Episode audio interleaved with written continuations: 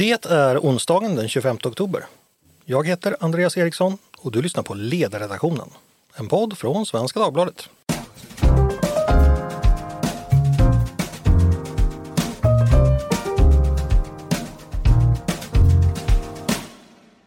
Varmt välkomna till oss igen. Idag tänkte jag att vi skulle prata om något så fantastiskt som kulturpolitik. Det är ju något som vi till höger oftast varken begriper oss på eller bryr oss om. Jag själv tillhör tyvärr den gruppen. Men förhoppningsvis ska vi efter dagens övning bli lite klokare och mer engagerade i saken.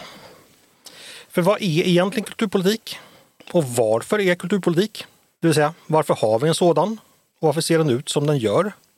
Och hur skulle en borgerlig kulturpolitik kunna se ut?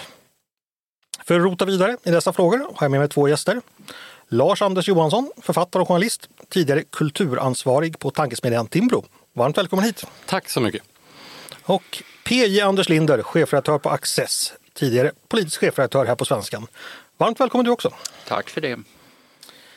Anledningen till att vi är här, bortsett från att kultur alltid är intressant, det är en bok som är skriven av dig, Lars-Anders, som i höst kommer i en ny upplaga, precis i dagarna faktiskt. Den heter Att dansa efter maktens pipa utgiven på just Timbro.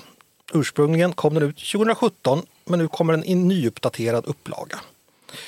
Och det är den vi ska diskutera idag och det är den som ska vara vår ledsagare. För vi kommer såklart inte hinna med att täcka upp hela det kulturpolitiska fältet på något sätt.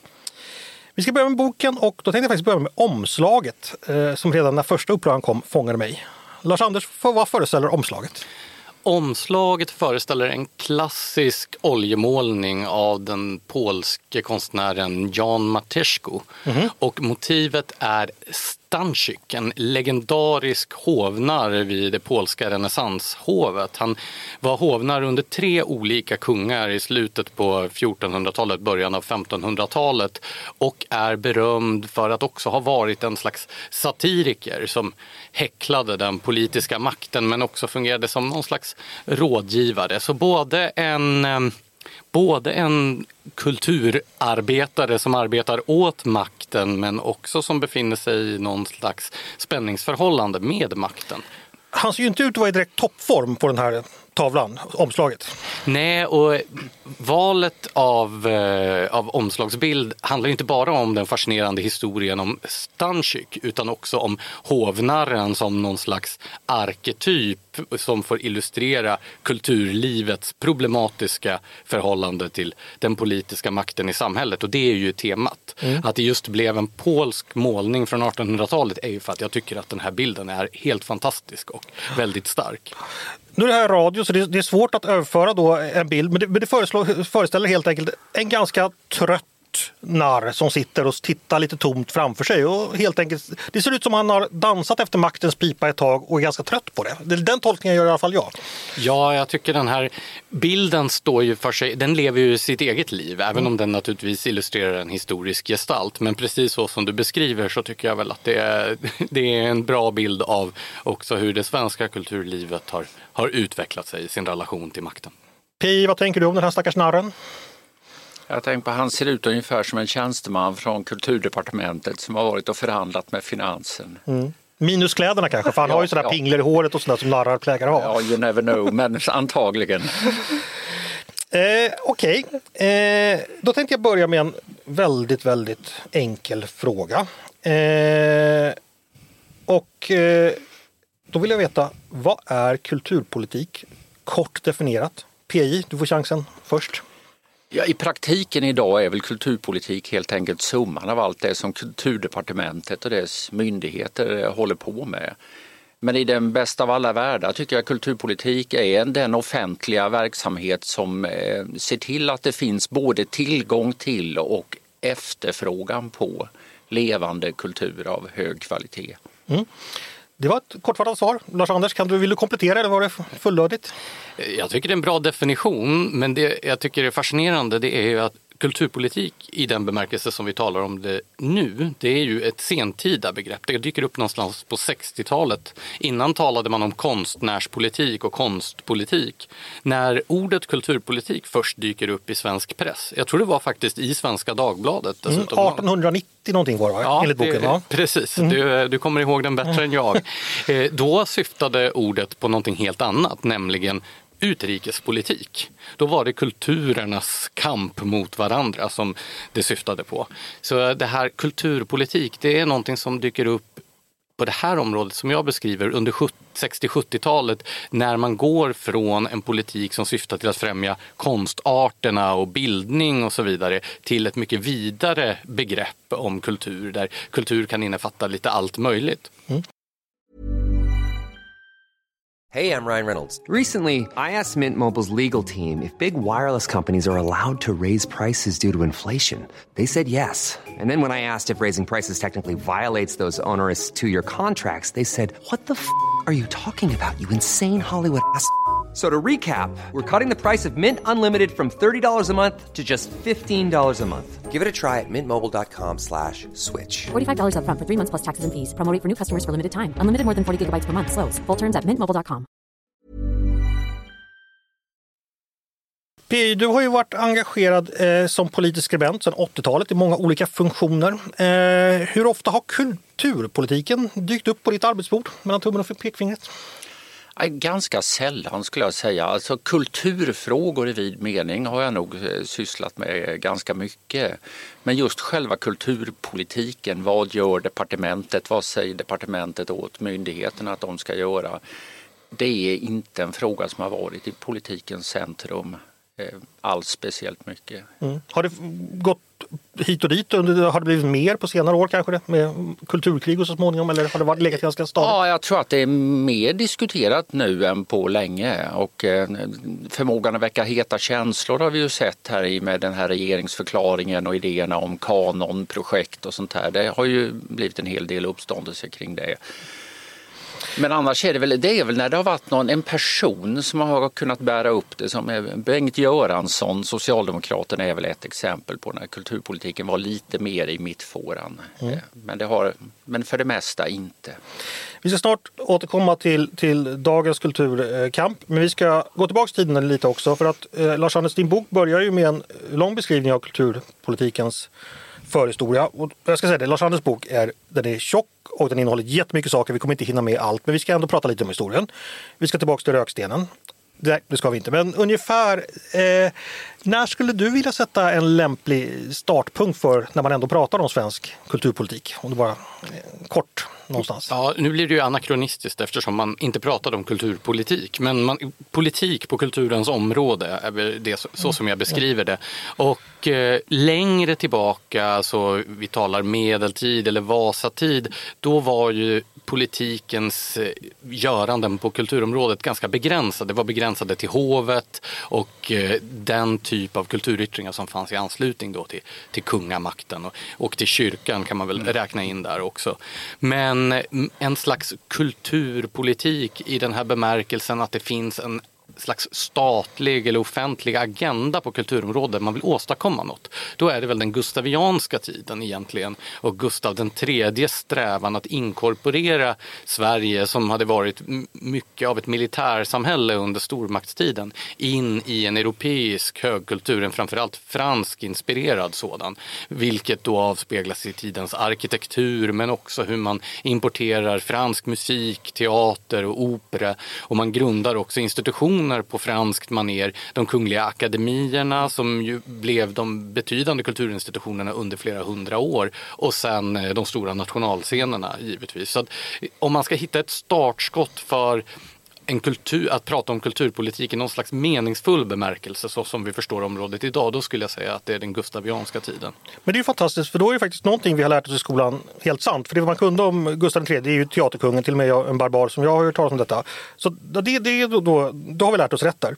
Men om man tittar bakåt, om vi tar då tiden före vår, vår egen tid. Finns det någonting du skulle säga eh, finns det några missförstånd kring Sverige som kulturpolitisk, eller ja, ja du förstår, nu, nu använder jag kulturpolitik anakronistiskt, men, men som du skulle vilja lägga till rätta, så, här, så vi kanske tror att det var väldigt kulturpolitiskt då, men det var det egentligen inte, eller går det att säga någonting sånt? Alltså en eh, viktig käpphäst som jag rastar så ofta jag bara kan, det är ju det här att det finns inte en korrelation mellan stora offentliga satsningar på kulturen och ett blomstrande kulturliv. Jag skulle ju säga att den här perioden från näringsfrihetens införande på 1860-talet fram till att man börjar utveckla den generella välfärdsstaten eller folkhemmet på 1930-talet är en kulturell guldålder. Och då är det ju framförallt privata pengar. Dels privata pengar från industrialister som pytsar in privata förmögenheter för att få kulturellt kapital som Bourdieu har kallat det. Men också folkrörelserna som bygger kulturverksamheter underifrån genom ideellt engagemang och insamlingar och så vidare. Så det här med att det måste till en omfattande offentlig kulturpolitik för att åstadkomma en kulturell guldålder. Det är väl en sån här missuppfattning som gärna odlas av de som är för en omfattande offentlig kulturpolitik. Mm. Då kan man sammanfatta det. Lagerlöf, Fröding, Strindberg, Heidenstam. Det var inget kulturdepartement bakom det. Nej, och inte bara det. En hel del av de saker som man lätt tror var offentliga investeringar var i själva verket privata. Många kulturinstitutioner som är Skansen till exempel, privat initiativ, eh, Nordiska museet, privat initiativ, men ännu mer fascinerande, våra kungastatyer på gator och torg. Den mest kända, Karl XII-statyn i Kungsträdgården, som eh, då skulle, den eh, restes 1868 var det väl, 150-årsminnet efter, efter Karl XIIs död. Och det, den tillkom på, en, eh, på ett privat initiativ. Författaren August Blanche mm. som samlade in privata medel från Stockholms borgerskap. Så eh, de här symbolerna för den gamla stormakten kom ofta till genom privata insamlingar från, från borgerskapet. Just det var pikant nog inte bara privat utan dessutom liberalt. Precis. Ja. Blanche, han dog väl samma år tror jag, 1868 eller sådär. Inte nog med det. Han dog på väg till avtäckningen av Karl XII-statyn. Så han fick aldrig se den avtäckas. Han stapplade in på ett apotek och segnade ner på vägen dit. Man hade ju unnat honom att dö på vägen från avtäckningen. Ja, åtminstone. minst. Eh, en tanke som fanns både inom borgerlighet och inom folkrörelser och arbetarrörelser det var ju att det fanns en, en kvalificerad kultur som det var viktigt att många skulle få bli del utav. Eh, så att det, liksom, det, var en inbjudande tanke. Fler skulle successivt göras delaktiga i ett kulturarv, en kulturtradition. Eh, Selma Lagerlöf nämnde du, hon skriver ju Nils Holgersson eh, och denna eh, det kom till på ett initiativ från eh, Folkskollärarnas förening men sen används ju den i stor skala. Även om inte varje elev läste hela boken så användes den på bredden i den svenska skolan. Så det fanns en, en stor tilltro till vad människor skulle vilja ta till sig och förmå ta till sig. En annan sak som är en liten sån sak som man ändå minns från, från skolan fast man glömt det andra, det är att kulturlivet under 1800-talet är en del av nationsbyggandet och nationalismens, alltså när vi så att säga Sverige blir Sverige och vi svenskar blir svenskar. Hur sant är det? Ja, och, och att det kommer det är ett projekt uppifrån också. Naturligtvis finns det element av sanning i detta detta, men jag skulle också säga att den svenska nationalromantiken skiljer sig ganska mycket från de nationsbyggen som syns under 1800-talet i andra länder, vilket förmodligen beror på att Sverige som nationalstat är mycket äldre och mycket homogenare än de nationalstater som ska formeras i ganska då kulturellt och etniskt sammansatta områden på kontinenten. Tyskland. Till exempel Tyskland och Italien är ju väldigt heterogena områden som ska enas till nationer. Då måste man forma en nationell identitet. I Sverige så handlar det ju snarare om en slags fantomsmärtor efter en stormakt som har gått förlorad och jag tycker det är intressant, när man tittar på den svenska nationalromantiken så är den påfallande icke-nationalistisk. Den handlar mycket mer om, om allmogen, om naturen, alltså Sorns målningar, Heidenstams poesi. Det är väldigt lite av krig och kungar och bombastisk nationalism. Och en sån som Heidenstam, visst han skriver om krig och kungar men det är ju inget hjälteporträtt av Karl XII som han tecknar i Karolinerna.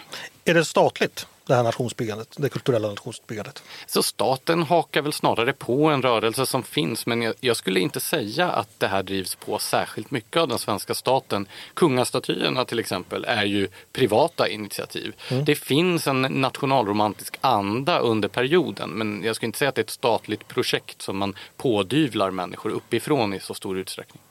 Hur intressant det än är att prata göticism och 1800-talet så måste vi tyvärr gå vidare för historien är bara en del i det vi ska prata om idag.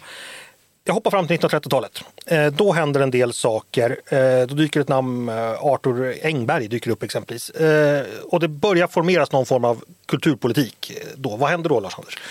Så 1930-talet präglas i Sverige kanske mest, men även i många andra länder, av en övertro på politikens möjligheter att förändra samhället och lägga människors liv till rätta.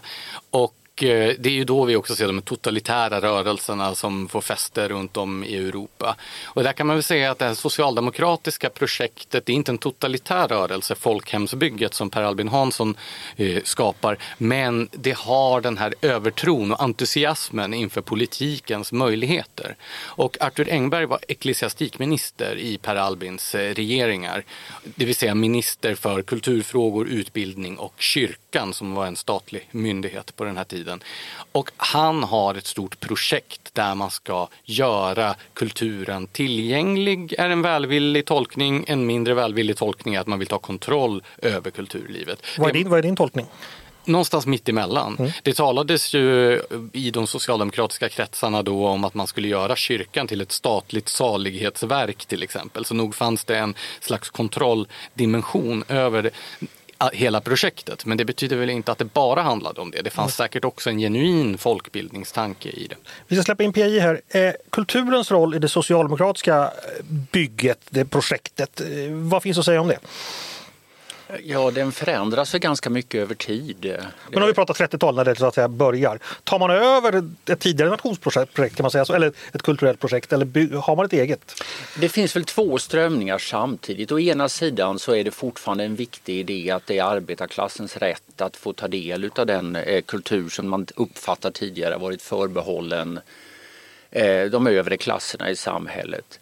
Ehm, samtidigt finns ju hela den här 30-talsideologin eh, som eh, kommer till uttryck i Stockholmsutställningen, acceptera eh, den här pamfletten, funktionalismen som är en sorts avantgarde-tänkande som ju också knyts an till socialdemokratin. Så de går väl fram på två täter i, i hög grad här. Det ena är en rätt traditionell som ligger närmre folkrörelsespåret och det andra är ju en, en mer elitistisk modernism. Mm. Lars Andersson, du får haka på det. Ja, och före folkhemsbygget på 30-talet så är arbetarrörelsen en av ett stort antal folkrörelser som alla har sina bildningsförbund och man börjar bygga upp folkhögskolor och alla de här sakerna, kulturverksamhet. Men det som händer med folkhemsbygget är att en av folkrörelserna, det vill säga arbetarrörelsen, börjar att successivt smälta samman med det offentliga med myndighetsstrukturen. Och det här förstärks eh, med olika typer av anslagssystem. En mindre smickrande dimension av Arthur Engbergs kulturpolitik var att han hämtade inspirationskällan från Josef Goebbels Reichskulturkammer i eh, Tyskland som gick ut på att det var en korporativistisk syn på att kulturlivet skulle organiseras utifrån konstarterna och så skulle det sitta tjänstemän uppe som såg till att rätt personer fick de statliga anslagen. Så det var en slags det början till en toppstyrning av kulturlivet. Jag driver på tempot här. Andra världskriget passeras, vi är inne på 50-talet. Här skriver du att kulturpolitiken börjar polariseras eller politiseras. Eh, vad är det som sker då? Så just på 50-talet vet jag inte. Det här är något som pågår eh, hela tiden successivt i takt med att eh, det offentliga åtagandet växer. Sen också när skattetrycket successivt ökar, det är väl framförallt under 60 och 70-talen, då undergrävs också den privata förmögenhetsbildningen vilket gör att privat kulturfinansiering minskar medan den offentliga ökar. Och i takt med att samhället överlag sen under 60-talet och 70-talet blir mer politiserat och framförallt under den här vänstervågen som kommer, då blir också kulturlivet och kulturpolitiken präglade av den här slagsidan. PI, nu destillerar jag det här till att kulturlivet blir mer politiserat och mer vänster under, gradvis under hela efterkrigstiden och kulminerar någonstans efter 1968. Är det en riktig bild eller är vi för enkelt ute då? Ja, det är alltid för enkelt, men det ligger väl någonting i detta. Man ska ju komma ihåg att kulturpolitiken och kulturlivet är två olika saker. Det offentliga åtagandet eh, eh, eller engagemanget äger rum på ett antal områden men det finns så stora sektorer av kulturlivet som ligger helt vid sidan om detta. Under de här rekordåren, eh, 60-tal, framförallt 50-60-tal, så ökar ju också köpkraften mycket starkt i samhället. Så det är klart att många människor får ju råd att konsumera kultur på, för egna pengar.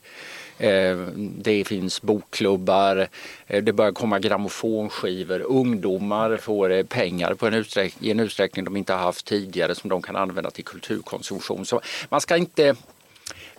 Kulturpolitiken och den del av kulturen som är väldigt starkt beroende därav drar åt vänster, absolut. Huruvida burken eller rock-Olga var vänster är väl en annan historia. Ja. För det här är ju superintressant för att Eh, Lars Anders, efter 50-talet då kommer ju kulturkonsumenten som har egna pengar och verkligen kan välja själv på ett annat sätt än man gjort tidigare. Alltså, det måste ju ha gjort, innebära en enorm förändring att vi har en, får en masskultur med massa människor som kan fatta individuella beslut och köpa Elvis eller Tommy Beatles eller Rolling Stones. Vad, vad, betyder det? Så populärkulturen som PI beskriver är ju en enorm kraft och av den här vänsterrörelsen som kommer sedan 60-70-talet så betraktas den som ett högerprojekt. Även Melodifestivalen betraktades ju som borgerlig. Och det kan vara värt att komma ihåg att ända in på 70-talet så tycker ju vänsterrörelsen att kulturlivet är borgerligt dominerat i Sverige. Man tycker att populärkulturen den är amerikaniserad och kommersiell och förkastlig. Och så tycker man att de stora kulturinstitutionerna mm. är förstockade och kulturkonservativa. Så det är det som ligger bakom det här talet om den långa marschen genom institutioner och så vidare. Att man, man vill ta över den här bastionen som man upplevde som borgerlig då, kulturlivet. Mm. Vilket man sen också gör i mitten på 70-talet. Men, men tillbaks just det här till att eh, konsumentkulturen, masskulturen, att vi med våra egna pengar på fickan har råd faktiskt att köpa, välja vår egen kultur. Det måste ändå vara ett stort skifte för människor. Att man, det kunde man kanske inte göra riktigt tidigare. Ja, inte i samma utsträckning, absolut. Är, ju mer köpkraft som de vanliga medborgarna har, desto större marknad finns det för den där typen av masskultur. Tidigare var ju kultur ofta, alltså, nu pratar vi så svepande termer, men ofta var ju kultur någonting som var förbehållet de som var mer bemedlade. Men mm. Masskulturen är ju demokratiserande kan man säga. Den här poddens andra namn är svepande för vi pratar svensk kulturhistoria på väldigt kort. Men, men jag tror, tror uh, lyssnarna förlåter oss. Normally being a little extra can be a bit much. But when it comes to healthcare, it pays to be extra. And United Healthcare makes it easy with Health Protector Guard fixed indemnity insurance plans. Underwritten by Golden Rule Insurance Company, they supplement your primary plan, helping you manage out of pocket costs without the usual requirements and restrictions like deductibles and enrollment periods. So when it comes to covering your medical bills, you can feel good about being a little extra. Visit uh1.com to find the Health Protector Guard plan for you. För nu är vi framme då 60-70-tal och nu börjar då kulturpolitiken som vi känner den idag komma på plats. Berätta, hur, hur sker det och på vilket sätt?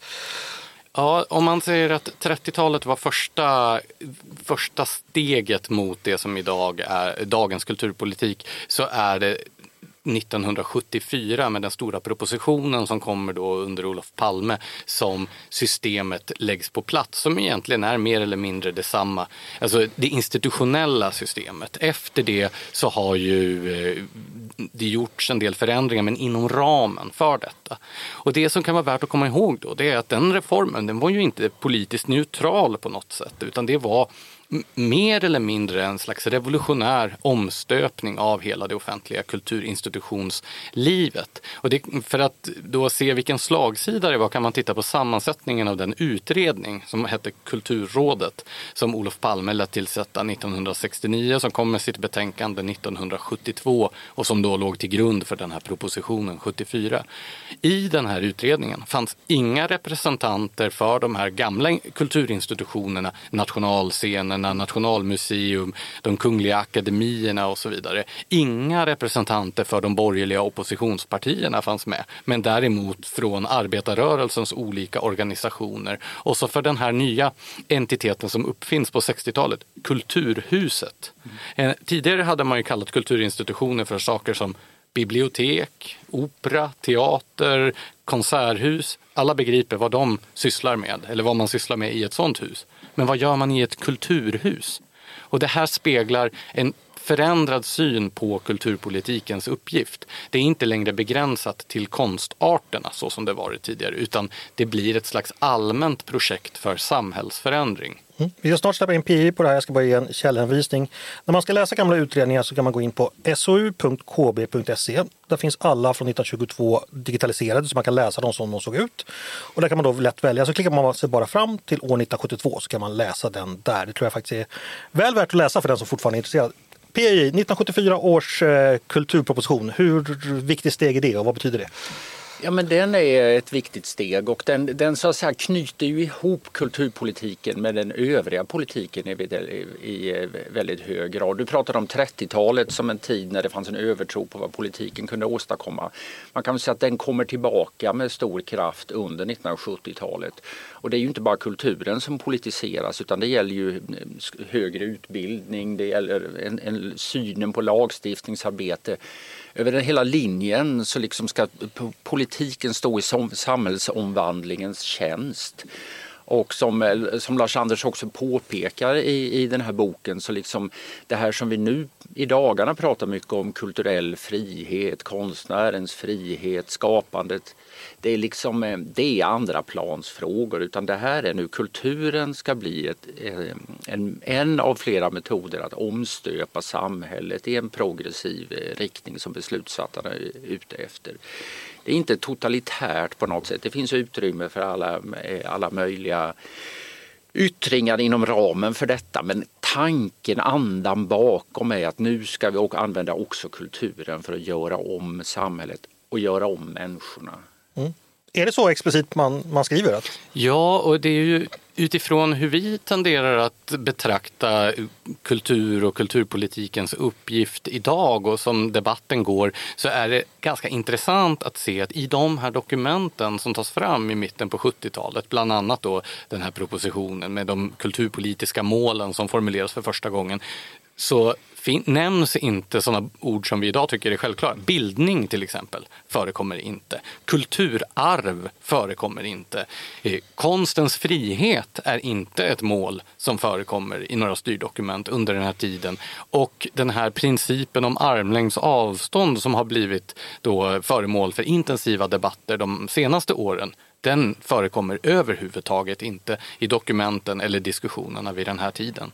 Det är väldigt intressant. Armslängds avstånd ska vi strax komma tillbaka till. Jag måste bara be dig vara lite mer konkret så vi fattar. Vad är det man uppfinner 1974 i praktiken som är så viktigt? Kan du nämna några exempel? Man tar ju fram en ny kulturpolitik med ett nytt institutionssystem som bland annat handlar om att man skapar övergripande institutioner där man buntar ihop de tidigare som har funnits, till exempel kluster av museer och så vidare. Det sker en allmän centralisering. Man inrättar också nya myndigheter som övertar ansvaret för att fördela medel till kulturlivet. Och den viktigaste då det är ju Kulturrådet. Den får samma namn som den här utredningen och den får också samma chef som den här utredningen utredningen som tog fram detta. Så det är dels en institutionsstruktur som är väldigt centraliserad men det är också en idé om vad som är den här kulturpolitikens uppgift och det är den som kommer till uttryck bland annat i de kulturpolitiska målen som ska styra den allmänna inriktningen. Och där finns ju det här målet då som är det mest omdebatterade om att kulturpolitiken ska motverka kommersialismens negativa verkningar. Och det var ändå då en mildare version än utredarnas förslag som var att det skulle motverka, jag kommer inte ihåg exakta formuleringen, men marknadsekonomin eller något sånt där skulle man motverka. Så att eh, ja, det, mm. tidsandan lyser med all önskvärd tydlighet igenom. Utmärkt, då, då fick vi lite kött på benen där. Eh, PJ fyller då 50 år, den svenska moderna kulturpolitiken kan man säga. Under den tiden har vi haft borgerlig regering vid tre tillfällen. Eh, först sex år, sen tre år, sen åtta år och så har vi det nu. Har det märkts någonting på kulturpolitiken under de här 50 åren? Kan man säga det om man tar tittar på de stora dragen? Eller är det kontinuiteten som dominerar? Jag tror att kulturen visade ju sig vara lite halare och mer undanglidande än kanske vad beslutsfattarna hoppades på där på 70-talet. Utan bara för att de ville att den skulle eh, skapa den nya människan så, så eh, blev det ju inte på det sättet utan både kulturutövare och medborgare eh, skaffade sig frihetsgrader eh, och eh, hade glädje av eh, dessa. Ehm, de borgerliga har väl inte under några stora åthävor försökt att upphäva den här kulturpolitiken och de var ju också i rätt hög grad med på noterna redan eh, 1974.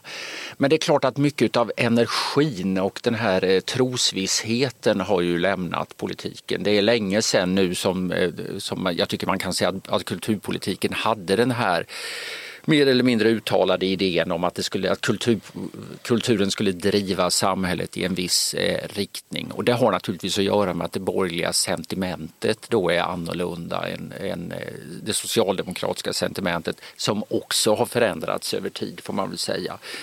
Så eh, ja, den är i hög grad lik sig om man tittar till formuleringar och till det institutionella ramverket. Men jag skulle säga att liksom dess etos har ändå förändrats en del över tid.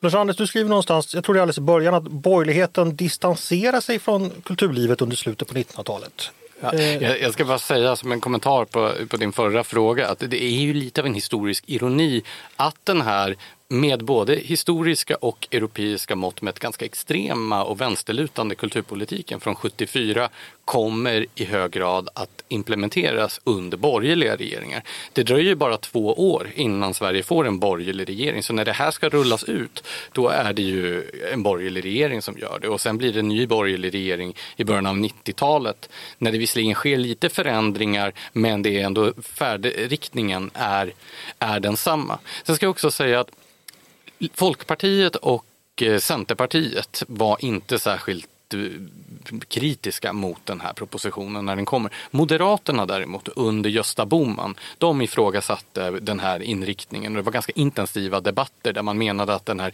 kulturpolitiken var provinsiell och bortsåg från att Sverige ingick i en slags europeisk västerländsk kulturtradition och att man, man ville också få in mer av konstens frihet och kulturarv. Alla de saker som hade åkt ut när den här kulturpolitiken togs fram. Så det fanns debatter innan, men därefter så är det precis som PJ säger, att det, liksom, ja, det blir inga större försök att, att förändra någonting från borgerligt håll.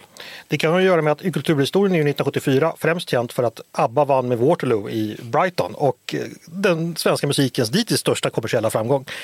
Men då tar jag frågan igen det här. Eh, borgerligheten distanserar sig från kulturlivet under 1900-talets sista årtionden. Eh, är det så? Och varför det?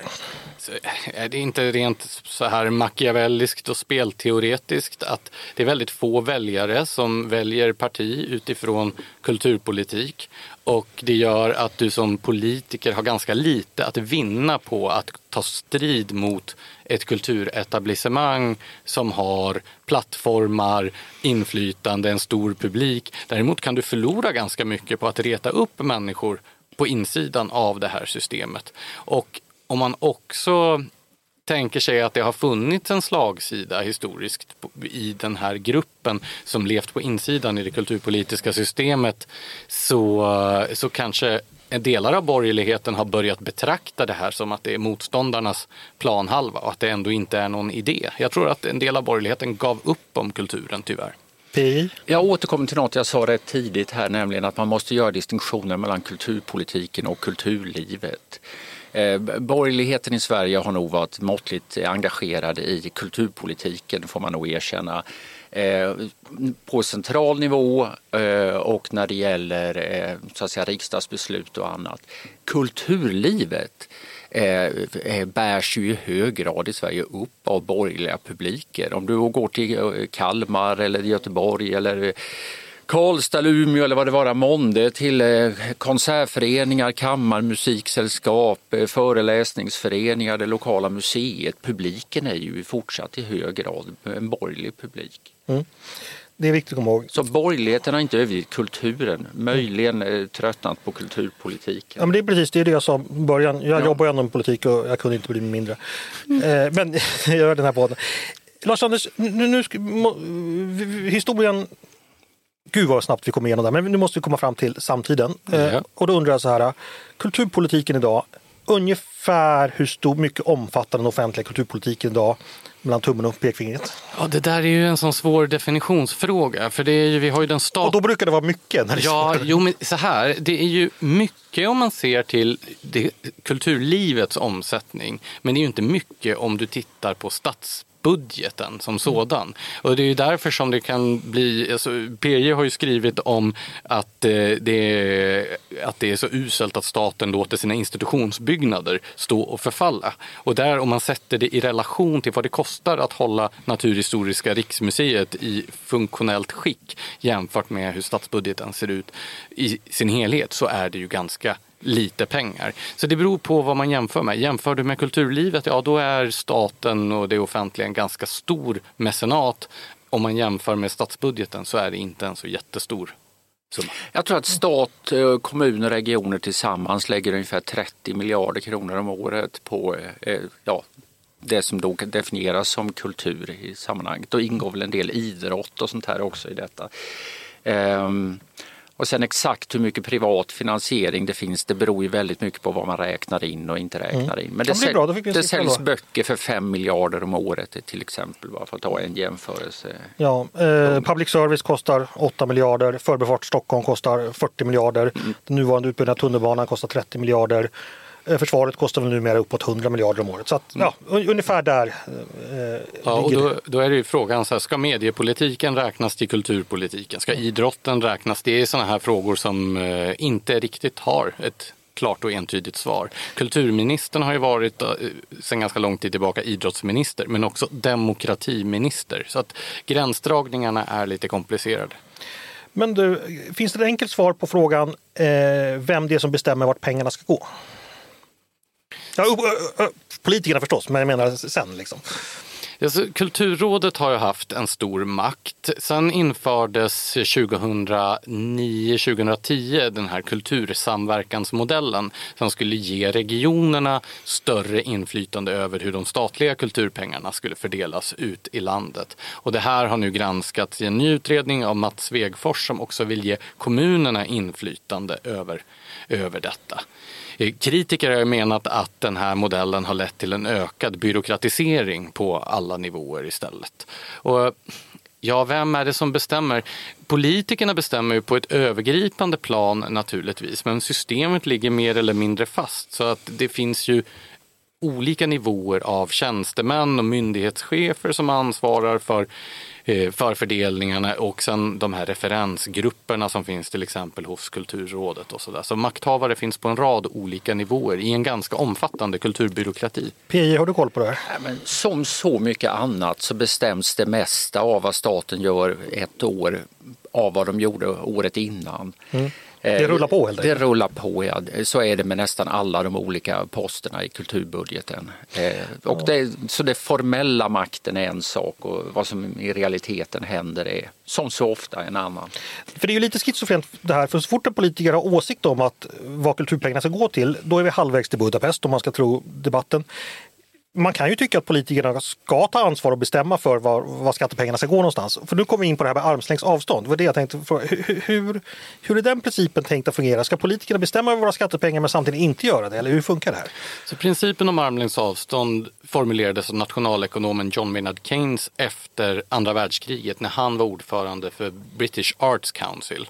Och där var tanken då att när man skulle skjuta till mer medel, offentliga medel till det brittiska kulturlivet så skulle man ha det här rådet som bestod av experter från den fria och oberoende kultursektorn som då skulle få makt att besluta över fördelningen så att inte politikerna skulle styra vilka som fick medlen och det var armlängds avstånd. Den här principen har, visst har man varit medveten i svensk kulturliv eller svensk kulturpolitik om att den har funnits men den har inte haft någon framträdande roll. Den har inte förekommit i några styrdokument eller så och inte heller i den kulturpolitiska debatten förrän på senare år. Och eh, det kan man ju tolka på olika sätt. En tolkning är ju att det har varit så självklart att konsten ska vara fri att det, inte ens har behövt debatteras. Jag tvivlar på den tolkningen med tanke på att det från 70-talet åtminstone fanns en ganska omfattande vilja att faktiskt styra och ställa i kulturlivet. En annan tolkning det är att så länge alla var överens så spelade det ingen roll om någon ville styra och ställa i kulturlivet eftersom man höll med.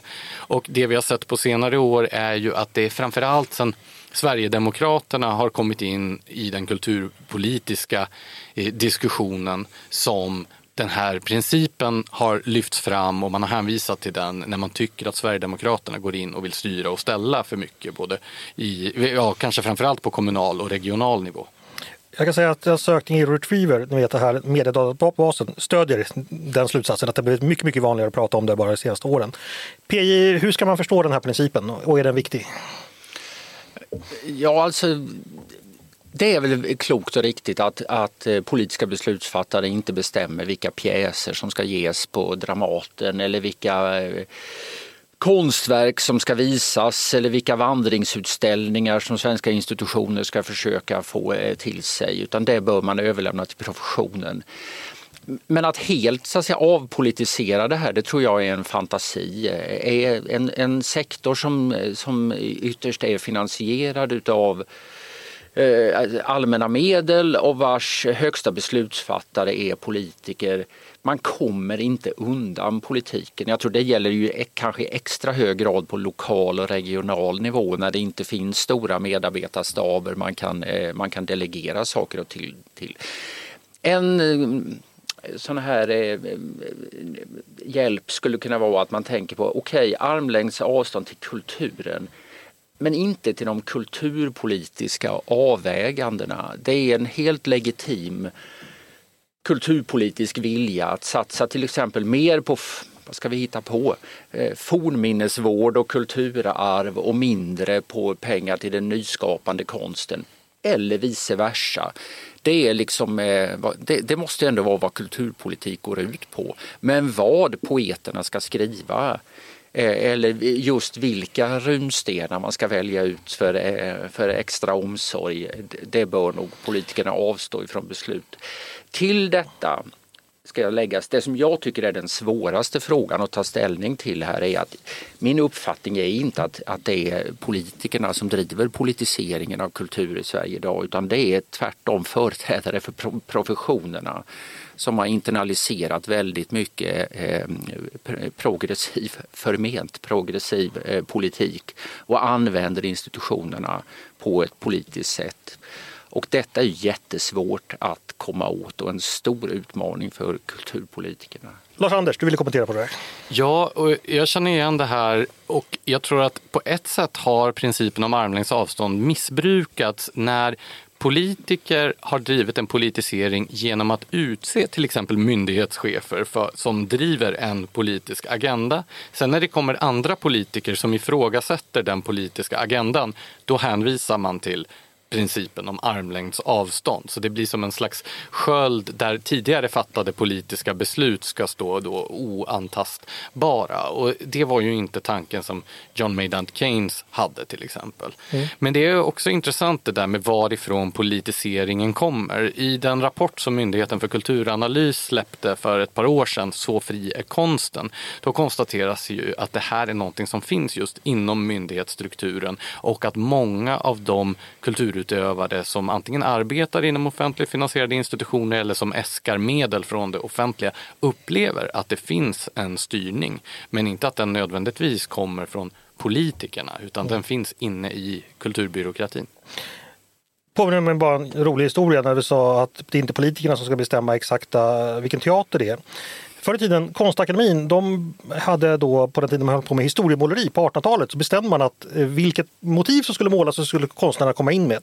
Och den första gången man gjorde det så skulle motivet vara Eh, Olof Skötkonung döpes av den första kristna läraren Ansgarius. Eh, vilket vi förstår är förstås en omöjlighet för det är ungefär 180 år mellan dem så man fick ändra i reglerna.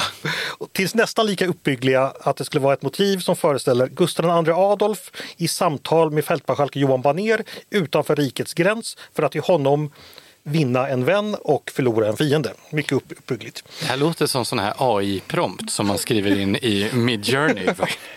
Precis, eh, men Ansgar då och Olof Skötkonung var inte samtida.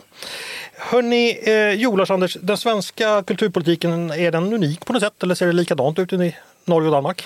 Jag skulle nog säga att den var ganska unik 1974. Den var väldigt radikal då, men det som har hänt är ju att dels så fick ju, precis som PJ sa för en stund sedan, då verkligheten tvingade ju då politiker och kulturbyråkrater att backa en del för att förhålla sig till realiteterna.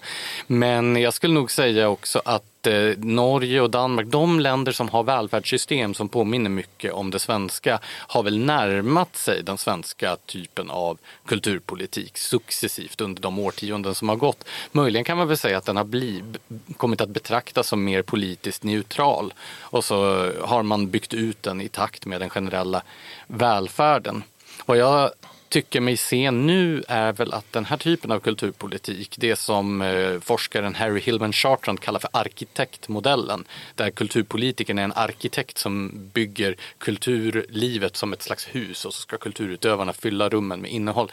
Den modellen håller allt mer på att omprövas i takt med att det offentliga i många länder, inte bara i Sverige, har begränsade resurser och att man behöver verkligen prioritera. Så att jag tror vi, vi är i en omprövningens tid nu på det kulturpolitiska området där den här 50 år gamla modellen kom, håller på att ses över i grunden.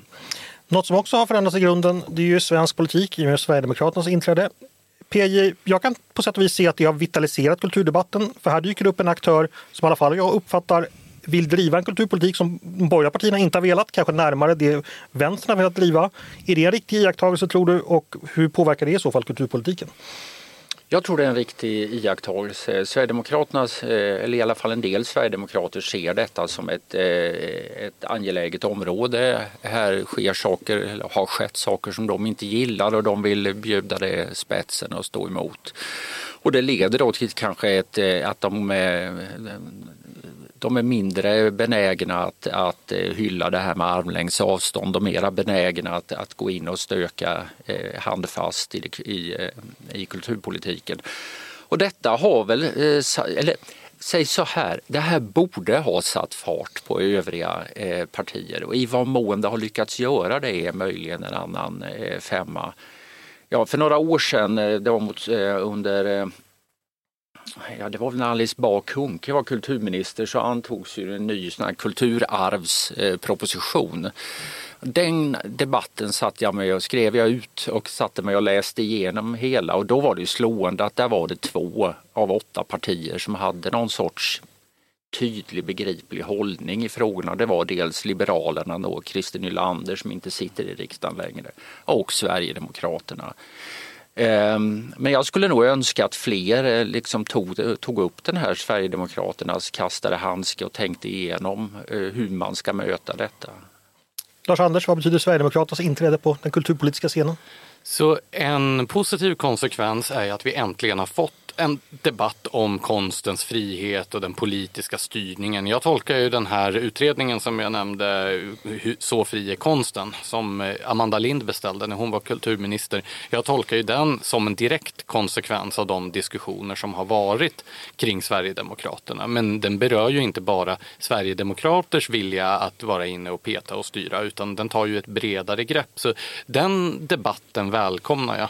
En risk som jag ser, det är väl att de partier som betraktar Sverigedemokraterna som sin huvudmotståndare kanske kommer att gå in i en ännu mer defensiv hållning på en lång rad områden. Det har ju åtminstone tidigare varit så att när Sverigedemokrater intar en ståndpunkt så måste alla andra tycka tvärt emot, oavsett om ståndpunkten är rimlig eller orimlig. Och eh, jag ser ju att det finns ju områden där Sverigedemokraterna har gemensamma, ett gemensamt synsätt med till exempel Moderaterna och kanske andra borgerliga partier deras eh, prioritering av kulturarv till exempel. Så det vore ju synd om sådana områden skulle förlora på att det partiet är intresserade av.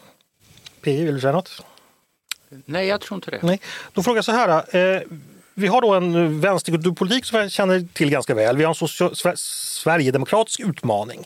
Vad är då det borgerliga svaret, Lars-Anders? Vi börjar närma oss slutet så vi får ta det snabbt. Ja, så jag menar att en borgerlig kulturpolitik och då menar jag både en liberal och en konservativ, en liberalkonservativ, behöver utgå från två stycken huvudsakliga värden. Det ena är kontinuitet. Kulturen, inte bara kulturarvet utan även den nyskapande kulturen behöver en institutionell kontinuitet. Det tar tid att bygga upp, det går väldigt snabbt att rasera sånt som har skapats. Så kontinuitet är det ena. Det andra är konkurrens. En av de stora olyckorna med 1974 års kulturpolitik var centraliseringen. Centraliseringen av myndighetsstrukturen men också centraliseringen av eh, finansieringen. Och jag tror att många av de problem som vi ser idag, till exempel alltså, eh, kulturinstitutioner vars byggnader förfaller är en konsekvens av detta. När man lägger alla kulturpolitiska ägg i samma korg så exponerar man också dem för en risk. Så kontinuitet och institutionell konkurrens borde vara ledorden för en borgerlig kulturpolitik. PJ? Ja, det där är bra saker. Sen skulle jag vilja addera att det går inte att prata om kulturpolitiken utan att tala om utbildningspolitiken. Och att den här eh, förändringen av skolpolitiken som eh, bygger på att man tar bort eh, idén om vilket stoff man ska tillägna sig utan bara har en massa verktyg för att manipulera vilket stoff det än råkar bli.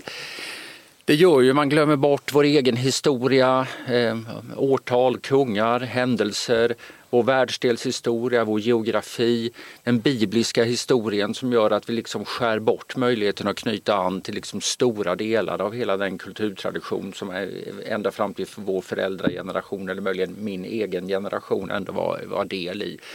Eh, om vi inte vänder på det där då kommer det spela ingen roll vad vi gör i den övriga kulturpolitiken för då kommer det att eh, eh klinga tomt mm. i den vad det lider ändå så, eh, min borgerliga, eller liberala är det väl då, eh, inspel här, det är ju då att så mycket av kulturen pågår oavsett kulturpolitiken. För att vi har hela världslitteraturen hemma i våra paddor. Vi kan ladda ner vad som helst. Vi kan titta på konserter, operor, balletter, filmer, tv-serier. Vi kan läsa all akademisk diskussion på nätet. Vi kan ta del av alla tavlor, alla konstverk. Allting finns så lättillgängligt idag. Så man kan leva som en kulturvarelse som älskar kultur utan att någonsin komma i närheten av kulturpolitiken. Eh, vilket jag gör. Alltså jag, jag bryr mig. Ja, det är klart. Det, det, är kul att gå på operan när man som småbarnsförälder någon gång har tid. Men jag är beredd att betala lite mer för det den gången. Kan du förstå den synen, eh, Lars ja. Att vi, många tänker så? Ja, jag vet inte hur många som tänker så, men eh, absolut är det så som du säger. Jag inledde med att beskriva hur en av guldåldrarna i svensk kulturhistoria inträffade när det var en väldigt, väldigt begränsad offentlig kulturpolitik. Så det finns ju inte en sådan korrelation. Däremot, vad man behöver fundera över om man, om man inte tycker att det offentliga ska ta huvudansvaret för till exempel kulturarvsinstitutioner och sådana saker. Och jag tycker där att den senaste tidens debatter visar ju att det offentliga är inte en, en garant för en trygg och långsiktig finansiering. Inte när Statens fastighetsverk är inblandat. Precis. Eh, så staten är inte nödvändigtvis någon att hålla i handen när åskan går. Men då måste man svara på det privata är bra på att erbjuda konkurrens. Men kontinuiteten, långsiktiga institutioner, någonting som kan föra vidare från generation till generation. Det är det som man också behöver tillhandahålla ett alternativ för. För det är en sak att eh, köpa böcker eller biljetter till konserter. Men det finns ju också ett behov av långsiktiga institutioner. De behöver inte nödvändigtvis vara offentligt finansierade men man behöver tänka igenom hur man åstadkommer en långsiktig finansiell trygghet för sådana. kulturpolitiken riktar ju rimligen in sig på det som har svårt att klara sig på marknaden och utan politiska beslut. Och det är klart när du vill titta på Beethoven på, eh, på streamad tv så kanske den spelas av Berlinsymfonikerna. Det är de tyska skattebetalarna då som mm. står för detta. Och det är klart att rent teoretiskt skulle man väl kunna parasitera på andra länders skattebetalare numera. Eh, jag tror det vore väldigt kortsiktigt av flera olika skäl, inte minst språkliga. Sverige är ett litet eh, språkområde och vi behöver ta hand om vårt eget eh, kulturarv och jag tror det är svårt att klara det helt och hållet på marknadens villkor. Ja, de tyska skattebetalarna kanske inte vill betala för Pettersson Berger eller något sånt där. De kanske, de kanske måste betala för själva helt enkelt. Hörni, eh, stort tack. Vi hann med ungefär 5 av det jag hade tänkt att vi skulle prata om i manus, men så är det ibland. Eh, Lars-Anders, din bok, hur får man tag i den? Den kan man beställa via bokhandlar, nätbokhandlar eller gå in i en eh, fysisk boklåda. Jag rekommenderar det senare, det är ju faktiskt trevligare. Och då får man också eh, i sin hand hålla den fantastiska bilden på, vad hette han nu igen, narren? Stanchik. Stanchik.